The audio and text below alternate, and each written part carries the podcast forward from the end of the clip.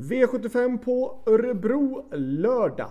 Örebro, ja då är det ju ett ganska så kort upplopp och det är ju en stor fördel att ha spets. Det är i alla fall min uppfattning. Ehm, det är lite... Det är svårt att hinna ikapp helt enkelt om man hamnar... Eh, det är svårt att hinna ikapp om man sitter typ fjärde, femte ytter i alla fall. För det, det, är, ehm, det är ett kort upplopp helt klart. Um, annars tycker jag att det är en fin V75-omgång. Största spiken sitter ju, och tyngsta spiken sitter ju på slutet. Men jag tycker ändå att det är intressanta uh, spelmässiga lopp ändå den här omgången. Vi börjar i V75 1 och ehm, um, voltstartslopp. Jag menar med 5 Joint Chief som gör lite comeback och känns fin gör han. Han är klart vassare utan skor men jag tycker att han har jobbat ganska bra. Nu var såklart inte... Spår 4 och 5 var de spåren som jag egentligen hade velat undvika. Och nu fick vi femte spår så vi försöker ta det i sig väg felfritt. Eh, mina värsta konkurrenter och de som jag tycker är intressanta spelmässigt är 1 Global Dependable, 2 Mr Vredebest och 3 Konrads Palle och 5 Joint Chief är också värd att sträcka där bakom tycker jag. Ehm, vill man ta ytterligare hästar då kanske 6 BVL Fighter skulle kunna vara intressant för vinnarhålet. Eller 8 Oryx Hålryd som satt fast med allting sparat i lördags. Ehm, också likadant, rygg på ett Global Dependable skulle kunna lösa sig. Så att 1, 2, 3 och 5 utgångshästar där bakom 8, 6. V75 2. 4 Gelato Pellini. Jag tror att den kommer ta sig iväg bra.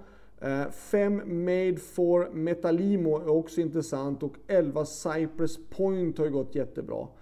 Eh, det är väl de här utgångshästarna 4, 5 och 11. Jag körde senast nummer 1 I Love Fodepar som spurtade jättebra.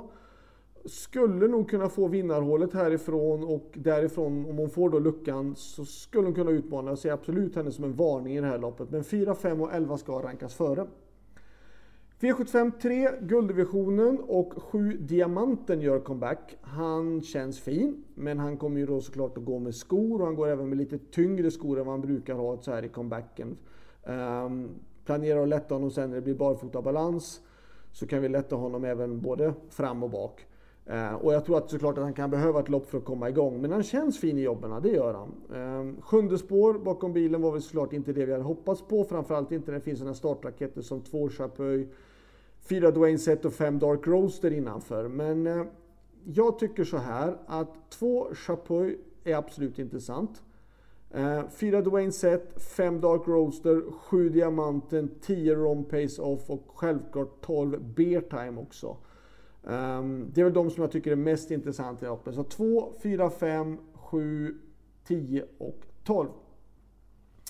V75 4. Ett Maserati Hall gjorde ju bra lopp. Den körde han på Solvalla. Och jag tror faktiskt att den som vill chansa ett lopp och gå på ett lås i det här loppet, ja då är det ett Maserati Hall som skulle kunna vara ett, spikförslag.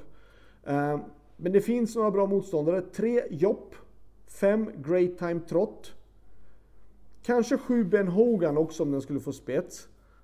10 eh, Bollnick och faktiskt 14 Enge Eros är intressant också. Så att ett solklart första häst där bakom, 3, 4, kanske 7, 10 och 14. Vi går till V75 5 och det här loppet ser ut att vara mellan två hästar på förhand. Eh, 6 Baron Tilly och 7 Black Hawk Face. Två hästar som jag tycker inte är helt stabila och det känns lite sådär när de startar nu då bredvid varandra. Det finns lite risk att man kanske laddar hårt eller ja, chansar. Och det finns ju risk att båda galopperar, men jag tror... Jag tycker ändå att de har uppträtt så pass. Det är två utgångshästar. Vill man gardera då, då är det två Hoho Haha som är mest intressant och 11 Star Royal Mark också. Um, men 6 och 7 utgångshästar före 2 och 11. V75 6. Um, kortlopp. Fyra LA Boko hoppade ju bort sig senast. Det var ju såklart, ställer ju ett lite grann ett frågetecken såklart. Man hoppar sådär mitt i loppet. Det ställer ett frågetecken på, på formen ändå. Eh, men ändå, han har ett så bra utgångsläge och är så bra häst att det är klart han ska räknas. 5 Run and Cola. 6 Global Classified. Och 12 Dano Degli Day har jag som utgångshäst. Alltså 4, 5, 6 och 12. Men jag skulle även vilja ha med 7 Crown Wise Ass som spurtade bra senast och 8 Hipster Am som var väldigt rejält betrodd senast och är gynnad av distansen men tyvärr har fått ett dåligt utgångsläge. Och galopperat senast så blir han lite grann bortglömd. Hade han haft ett bra spår och inte galopperat senast hade han varit mega favorit. Så jag tycker han blir lite grann bortglömd i den omgången. V75 7. Eh, två Jalapeno K. Stora tunga favoriten då såklart. Befogat.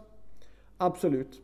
Var fantastiskt bra, Har varit jätteduktig, perfekt utgångsläge. Spår 2 på Örebro är också ett bra utgångsläge. Sen att den värsta motståndaren och den som skulle kunna utmana om nu Jalapeno K har en dålig dag, ja det är möjligtvis nummer 8 Winterburn, men den har ju dragit spår 8. Eh, så att det gör ju att 2 Jalapeno K blir ju den absolut bästa spiken i omgången utan tvekan. Ehm, och min bästa chans då, ja det är ju faktiskt i den första avdelningen, nummer 5, Joint Chiefen då som jag tycker känns fin. Hade dock velat haft ett annat startspår. Så det var allt. Lycka till och glöm inte bort att det är det sista stora loppet på vintermeetinget får man säga för de äldre hästarna. På söndag då är det Prix de Paris, 4 km. Money Viking ska ut och starta.